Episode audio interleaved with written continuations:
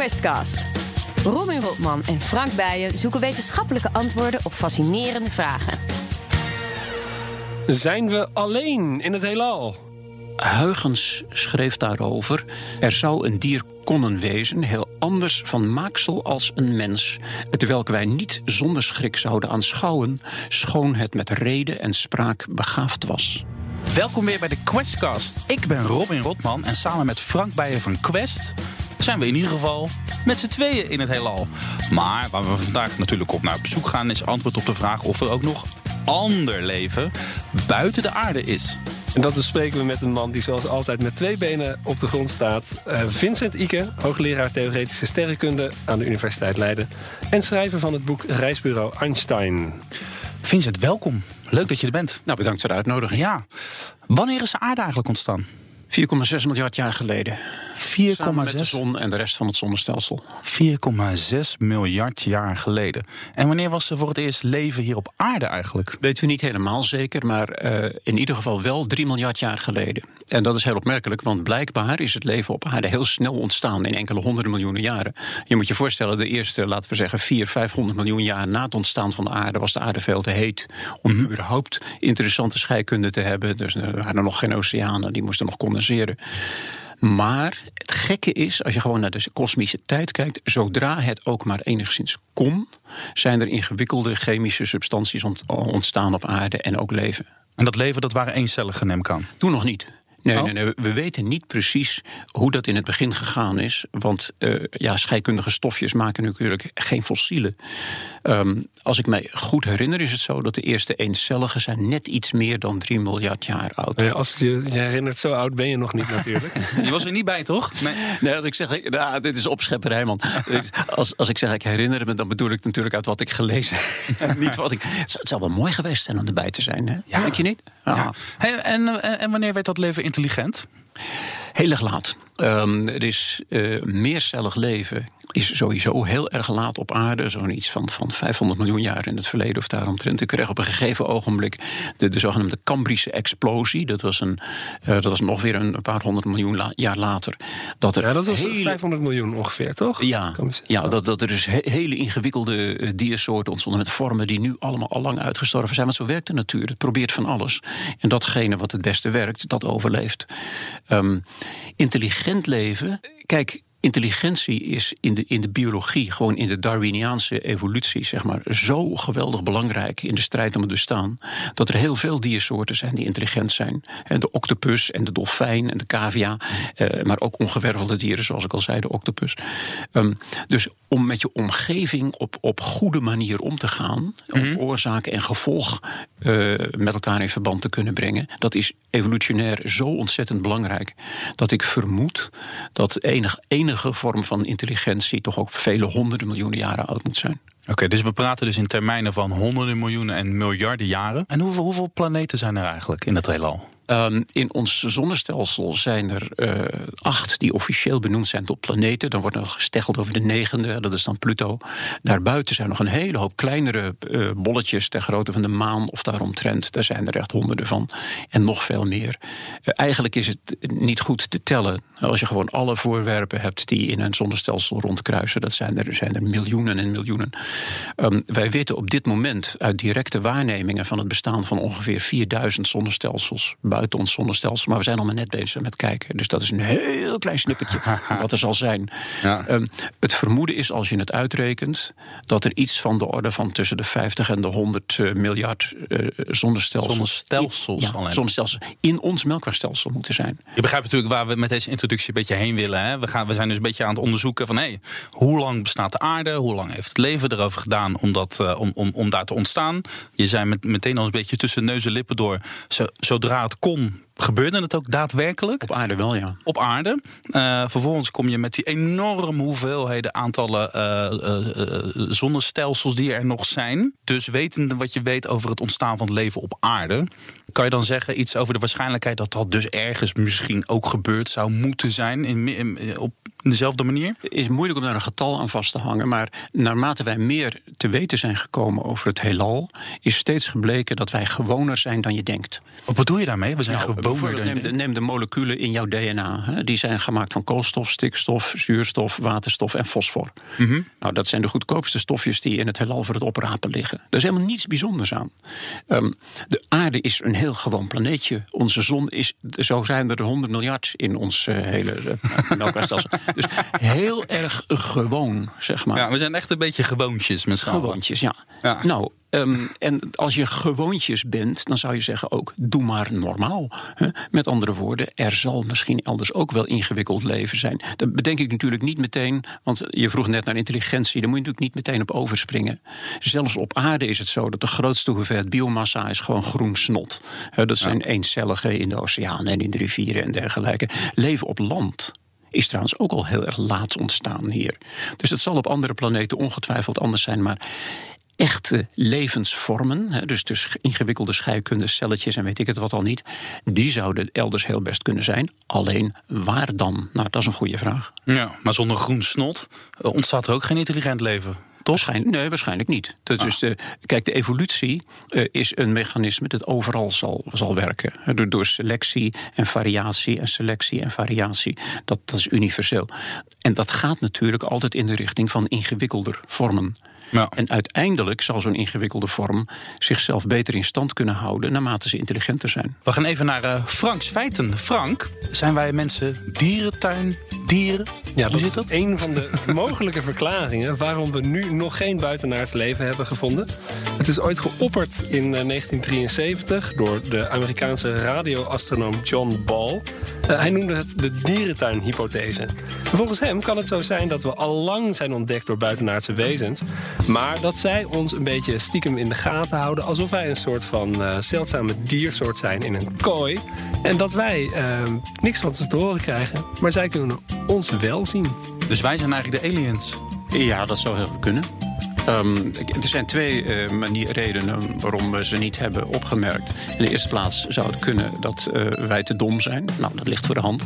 Het zou ook kunnen zijn dat zij te slim zijn. Dat is ook een goede mogelijkheid.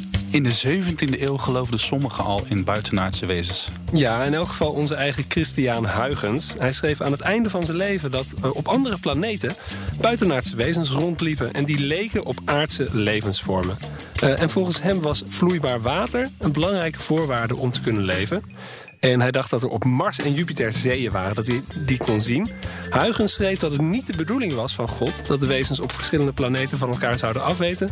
Maar ja, God had ook niet kunnen voorzien dat de wetenschap in de 17e eeuw... zich al zo snel, zo ver had ontwikkeld. En dat is nu meer dan drie eeuwen geleden. Tjetje. Huygens, dat was me er eentje. Nou, Hu- Huygens was zelfs beter dan wat je net citeert. Eh, een citaat uit Cosmotheoros, het boek wat hij daarover geschreven heeft, even uit mijn hoofd. Misschien zou daar het een of het ander dat heel anders als ons water is, de planten en dieren konden doen leven. Zegt Huygens, schreef Huygens. Ehm, wat ik heel bijzonder vind aan wat Huygens erover zei, en dat staat nogal haaks op wat mensen tegenwoordig verwachten over buitenaardse wezens. Ik noem ze exoburen, want alien klinkt meteen al zo, zo handig, hè? Ja. Ehm, dat, ehm, er, er wordt ook meteen al aan, aan gevaren gedacht. En eh Huygens schreef daarover ehm, dat er een dier zou kunnen wezen. En ik citeer weer opnieuw even uit mijn hoofd. Er zou een dier konnen wezen, heel anders van maaksel als een mens, het welk wij niet zonder schrik zouden aanschouwen, schoon het met reden en spraak begaafd was. Kijk eens aan. Eh, Dus denk, denk maar niet meteen. Stel voor, hè, je komt een buitenaards wezen tegen, een van onze exoburen. En dat ziet eruit als een op schaal vergrote schorpioen. Nou, misschien is dat wel een, een zeer redelijk en wijs wezen. Misschien is die schorpioen veel redelijker dan wij zelf zijn. Eh, Ja, en ja, goed, dat is een kosmische schorpioen dus nu. En stel je voor, je komt op een andere planeet in. Maar misschien komt die schorpioen in zijn wijsheid en zijn redelijkheid tot de conclusie dat, dat wij helemaal niet nodig zijn en verplettert hij ons. Waarom zou die dat doen? We zijn niet eens voedsel voor ze. Dat weet je niet. Nee, nee, nee. nee, nee. Maar we bestaan toch ook uit, eh, onze- uit de bouwmaterialen kijk, die hij onze- ook lekker vindt. Nee, maar ga, ga maar naar hoe dat is met, met de voedsel, voedselketen op aarde. Als, als, als jij een, een, eh, een, een boterham met pindakaas eet... dan wordt door jouw lichaam die boterham met pindakaas... niet helemaal afgebroken tot in de laatste atomen. Dat wordt een klein beetje stuk gemaakt... tot het klein, onderdelen klein genoeg zijn voor jouw lichaam... om er gebruik van te maken. Maar daar maken ze geen losse waterstofatomen van. En dat zal daar ook zo zijn. Nee, nee ehm, da- daar hoef je niet bang voor te wezen. Ehm, dus ja, dat, dat- die angst en zo, die snap ik ook helemaal niet. Bovendien er komt nog het volgende bij. Dat heb ik in reisbureau Einstein ook geprobeerd duidelijk te maken. Vanwege de, de, wat wij weten over de relativiteitstheorie... is het mogelijk om met een relativistische raket... van de aarde naar het centrum van onze melkweg te gaan... in een jaartje of 15 of 20 of zo. Dat is te doen. Dit is goed te doen. Het kan. Dus natuurkundig prima voor elkaar. Maar de afstand tot het centrum van ons melkwegstelsel is 25 of 26.000 lichtjaar. Eh, Met andere woorden, gemeten in tijd. Gezien vanaf de aarde doet zo'n ding er 25.000 jaar over. Komt hij dan terug? Zijn er hier 50.000 jaar voorbij gegaan? En aan boord van die raket misschien 30 jaar. Ja. Nou, dat is een heel andere manier van reizen dan je op aarde gewend bent. Maar wat betekent dit? De, de karakteristieke tijd voor reizen door een sterrenstelsel is van de orde van grootte van 100.000 jaar. Dus een, een beschaving, een maatschappij die door ons hele melkwegstelsel kan reizen, die ons hele st- melkwegstelsel kan bereizen, zeg maar, die moet stabiel zijn op een tijdschaal van 100.000 jaar. Laten we luisteren naar Theo Maassen. Die heeft in een van zijn shows over onze zoektocht naar buitenaardse intelligentie. Als het er niet is, vind ik het nogal zonde van het geld. En is er wel buitenaardse intelligentie, zijn er nog steeds maar twee mogelijkheden. Of ze zijn dommer dan wij, of ze zijn slimmer dan wij. Nou, als ze dommer zijn dan wij, dan, dan hoef ik er niks mee te maken te hebben. Zijn ze slimmer dan wij, dan vinden zij ons veel eerder dan wij hun. Ja. Waarom zouden ze zoveel moeite doen? Waarom wij zoveel moeite doen in de wetenschap. Is natuurlijk omdat dat ons vak is. We willen proberen om de grens van wat wij niet weten eh, terug te dringen. Ik denk dat als je een beschaving hebt die al 100.000 jaar bestaat en al 100.000 jaar bezig is met onze melkweg te bestuderen, dat er dan heel weinig eh, onbekend voor hen zal zijn. Nou. En eh, niet alleen dat zij veel slimmer zijn dan wij, maar wij zijn niet eens interessant voor hun. Nee. Frank heeft een paar eh, stellingen voor je klaargezet. Ben je er klaar voor? Zet me schrap, kom erop. Als er buitenaards leven is, is het waarschijnlijk een stuk slimmer dan wij. Eens of oneens? Oneens. Als er buitenaards leven is, is het waarschijnlijk gewoon eencellige of dat soort dingen meer. Dat is het gewoon snot. Ja, Ruimtereizen is de beste manier om veroudering tegen te gaan. nee, absoluut niet. Eh, als je binnen ons zonnestelsel reist, dan word je gebombardeerd door kosmische straling, door alle mogelijke rattenplan van de zon, röntgenstraling en wat iets meer zijn. Het is een buitengewoon ongezonde eh, tijdsbesef. Tijd voor het polletje, Frank. Ik ga het nog meemaken dat er buitenaards leven wordt gevonden. Dat hebben wij op Twitter gezet. Wat denk jij dat, er, eh, dat onze volgers hebben, eh, hebben gestemd? Hoeveel procent van de mensen denkt het nog mee te maken en hoeveel procent niet? Mijn schatting is dat 30% van de mensen die geantwoord hebben ja hebben gezegd en, en ongeveer 70% nee. Dan zit je knap dichtbij. 39 procent dacht het mee te maken. Eh 61 procent niet. We hadden 380 stemmen. Dat is veel. Mooi. Eh, Uit jouw antwoorden eh sluimert het dan een beetje door. Hè? Jij denkt eigenlijk gewoon dat er leven is buiten de aarde. Ehm, het is zeer waarschijnlijk. Alleen, de, ja, je, je bent een wetenschapper of je bent het niet. Ik bedoel, ik snoeiharde vraag natuurlijk. Oh ja, waar dan, professor? Ja, dat weten we niet. Gaan we dat eh, ontdekken ooit, denk je? Ja. En mijn, mijn antwoord op deze vraag zou ja zijn. Eh, ik ben ook niet meer van de jongste. Maar op dit moment is het zo dat de, de vooruitgang in de wetenschap... en speciaal over dit onderwerp... dus de bestudering van exoplaneten en exoscheikunde... onze, onze beroemde landgenoot Ewine van Dishoek... die heeft eigenhandig bijna dat hele onderzoeksgebied gevestigd. Hè, dus eh, exoscheikunde, zeg maar. Ehm, daar kunnen ze op dit moment dingen waarnemen met die ALMA-telescoop in Chili. Daar is, daar is stijl van achterover. En als ik dat heb meegemaakt, nou, over een paar jaar... mijn, mijn collega Ignas Snelle in eh, Leiden, die is daar heel druk mee bezig. Ehm, het zou best nog eens kunnen gebeuren voordat ik tussen de zes plankjes lig. Wauw. En welke termijn heb je het dan over? 20 jaar. Ja? Eh, wat, moet, eh, wat moeten Ewine van Dishoek en Ignas Snelle dan vinden? Ehm, eh, ze kunnen natuurlijk niet inzoomen op zo'n exoplaneet of zo, want het is allemaal knap lastig. Tenminste, ze kunnen niet ehm, microscopisch zien wat er op het oppervlak daar gebeurt.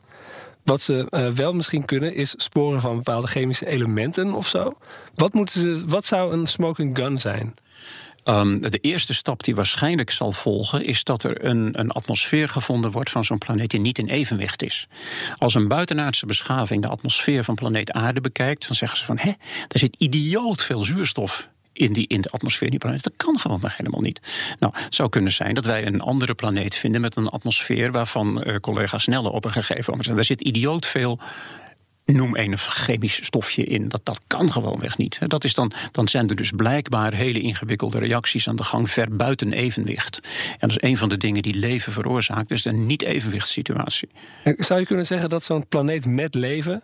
Um vooral ontzettend veel niet moet lijken op de meeste andere planeten zonder leven? Ja, ja dat, is, dat is een hele goede manier om het uh, te zeggen. Ja, ja, eh, als ware heel, heel apart zijn, zeg maar, in chemisch, chemische zin. Kijk, signalen van buitenaardse beschavingen zouden we ook kunnen vinden, maar dat gaat dan puur bij toeval. Denk bijvoorbeeld even aan het volgende. Uh, de landingsradar van luchthaven Schiphol is in principe door de hele Melkweg zichtbaar. Natuurlijk, die, die landingsradar die is pas 50 jaar geleden begonnen. Dus er zit nu een bol rondom de aarde heen. Met een straal van 50 lichtjaar. En alles wat daar binnen woont, kan ons luid en duidelijk aan de hemel zien.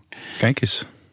Sorry? Uh, grappig. Ja, dat is hartstikke leuk. en die, eh, die, uh, die radiosignalen die zijn buitengewoon bijzonder. Dat is geen, niet zomaar een beetje ruis. Je kunt duidelijk zien dat daar, dat is afkomstig van een apparaat. Dat moet gemaakt zijn. En wij zouden in principe de landingsradar van willekeurig welke exoplaneet ook kunnen zien. Maar dat is dan puur toeval. Zou het zo kunnen zijn dat dat leven um, op een andere manier is opgebouwd dan wij ons nu kunnen voorstellen? En dat we dat uiteindelijk op plekken gaan vinden die we nu eigenlijk helemaal niet bedenken, omdat er misschien andere natuurwetten gelden? Ja, dat is een, dat is een hele goede. Um, als je kijkt naar de oorsprong van planeten, we kunnen tegenwoordig vrij behoorlijk berekenen hoe planeten ontstaan, dan blijkt dat de gemiddelde aardeachtige planeet heeft waarschijnlijk hele diepe oceanen. Geen eens continenten, met een oceaan van 100 of 200 kilometer diep. Dat kan van alles leven natuurlijk. Maar de manier waarop dat daarbuiten zichtbaar is, is weer heel anders dan bij ons bijvoorbeeld. Mm um, dus ja, dat, dat, dat zou ook kunnen. Wat, wat betreft die, het, het speuren en zo. Ik heb een, een plannetje in mijn hoofd, wat ik misschien nog wel eens ga uitvoeren. En dat zit als volgt. Uh, er is een experiment wat ooit gedaan is door Miller. En die, uh, er zit een replica van, dat kun je zien bij Naturalis in, in Leiden. En Miller die had een soort van oersoep gekookt, zeg maar. Daar waar geen leven in zat. Na, na twee weken borrelen en pruttelen en vonken doorslaan en zo... kwamen er stofjes tevoorschijn die heel bijzonder zijn. Waaronder andere aminozuren, dus waar, waar ons lichaam onder andere uit gebouwd is. Gewoon spontaan. Mm. Maar dat, dat duurt een aantal weken. En de snelheid waarmee dat gebeurt is gewoon scheikunde. Maar onze computers zijn tegenwoordig zo goed en zo snel dat het mogelijk moet zijn om in de computer dat Miller-experiment te doen. Dus niet in het laboratorium, maar gewoon in je Met de rekenmachine. Ja. En dan kan ik miljoenen en miljoenen en miljoenen varianten van dat Miller-experiment gewoon doorrekenen om te kijken wat zouden die eerste stappen geweest kunnen zijn. We hadden het net aan het begin van dit mm -hmm. gesprek over het feit dat er geen fossielen zijn uit de tijd dat het leven op aarde begon te ontstaan. Want die scheikundige stofjes die maken geen fossielen. Je zou het dus kunnen omkeren uit zo'n berekening, zeg maar, zo'n zo'n zo'n kosmochemische berekening op een supercomputer, zou je in principe kunnen afleiden wat de meest waarschijnlijke stofjes geweest kunnen zijn in het begin van het leven op aarde. Wat een leuk experiment. Zou het ook niet gewoon een leuk experiment zijn om gewoon het leven wat wij hier op aarde kennen, uh, eencellige beestjes, virussen, bacteriën. Om die gewoon met allemaal kleine raketjes gewoon overal uh, het hele hal in te sturen. Om te kijken of het ergens landt. En te kijken wat er gebeurt als het ergens landt. En dat het onder totaal andere omstandigheden dan hier op aarde. Dan gaat het misschien ook evolueren. En dan als we het niet kunnen vinden, dan smijten we het er zelf wel neer. Ja. Is dat niet gewoon hartstikke Dat lijkt me een uitstekend plan. En in ieder geval is dat heel erg veel beter dan ruimtereizen. Ik bedoel, de mensen vinden ruimte niets te zoeken. Maar um, ik bedoel, ik weeg 72 kilo. En dat is 72 kilo ballast. Want mijn moeder wist al dat ik oorspronkelijk uit één celletje ben ontstaan. En dat geldt voor alle levende uh, organismen op aarde, planten, dieren, noem maar op. Als je het, het genoom van al die celletjes en zo, van alles zo'n beetje wat er leeft op aarde samenpakt, dan past dat in vier of vijf zeecontainers. Nou, die sturen we dan naar een of andere planeet. En zoals je zojuist terecht zei, de evolutie de, van de biologie, die doet de rest. Vincent, er is leven. We weten alleen nog niet waar we het moeten gaan vinden. We weten ook nog niet hoe we het moeten gaan vinden. Misschien gaan we het wel creëren. Misschien vinden ze ons wel. Ik geloof hem wel. Ik, ik geloof wel dat, dat, dat Vincent hier... Ik, ik vertrouw hem wel. Nou, op het moment dat het leven is gevonden, dan nodigen we je gewoon opnieuw uit. Hartstikke goed. En vergeet niet om professor Van Dishoek erbij te halen... want die heeft van die kosmochemie veel meer verstand dan ik. Tijd voor onze ogenschijnlijk nutteloze rubriek. Maar Nutteloze kennis bestaat niet. Een tekening van de verschillende smaakgebieden op de tong, die heeft iedereen wel eens gezien. Eh, op de rand van de tong zou je zout proeven en voorin proef je dan zoet. Aan de zijkanten zuur en achterin bitter. Maar dat is eh, volkomen onzin. Het is allemaal de schuld eh, van de Amerikaanse psycholoog Edwin G. Boring, heette die man. boring. Eh, in de jaren 40 maakte hij een boek met het tongdiagram erin. Het was gebaseerd op veel ouder Duits onderzoek. Dat beweerde dat die verschillende delen van die tong bepaalde smaken ietsje beter konden waarnemen dan andere delen. Boring maakte daarvan dat die tonggebieden exclusief waren. Dus een, een ijsje proef je alleen voorin en zo. Maar in werkelijkheid proeft je tong alle smaken. Onzin dus. Zo zie je maar, nutteloze kennis bestaat niet. Vincent Ike, hoogleraar theoretische sterrenkunde aan de Universiteit Leiden. Schrijver van het boek Reisbureau Einstein. Medewerker van de prachtige DVD Are We Alone? Gemaakt door jouw vrouw Charlotte. Die is echt de moeite van het kijken waard. Dus dat gaan we ook allemaal doen. Die opdracht krijgen onze luisteraars ook. En we zullen ook een verwijzing maken in de show notes hoe je eraan kan komen. Dus eh, dank daarvoor. Dank voor je komst. Als je dit nou een leuke uitzending vond, leuke aflevering vond van de BNR Questcast, kan je ook de andere afleveringen terugluisteren. Want die zijn ook de moeite waard. Worden we steeds hufteriger bijvoorbeeld? Wordt kanker een geneeslijke ziekte ooit? Schuilt in ieder mens een moordenaar? Allemaal leuke vragen waar wij eh, antwoord, antwoord hebben gezocht en vaak ook gevonden hebben. Misschien ook niet. Luisteren, zeg het voort, praat erover. En als je dan toch bezig bent, misschien vind je het leuk om een review achter te laten op iTunes. Dat is alleen maar goed voor ons, voor onze, voor onze luistercijfers en zo. Nou ja, goed. Spotify, Quest.nl, iTunes, BNR.nl. Tot de volgende keer.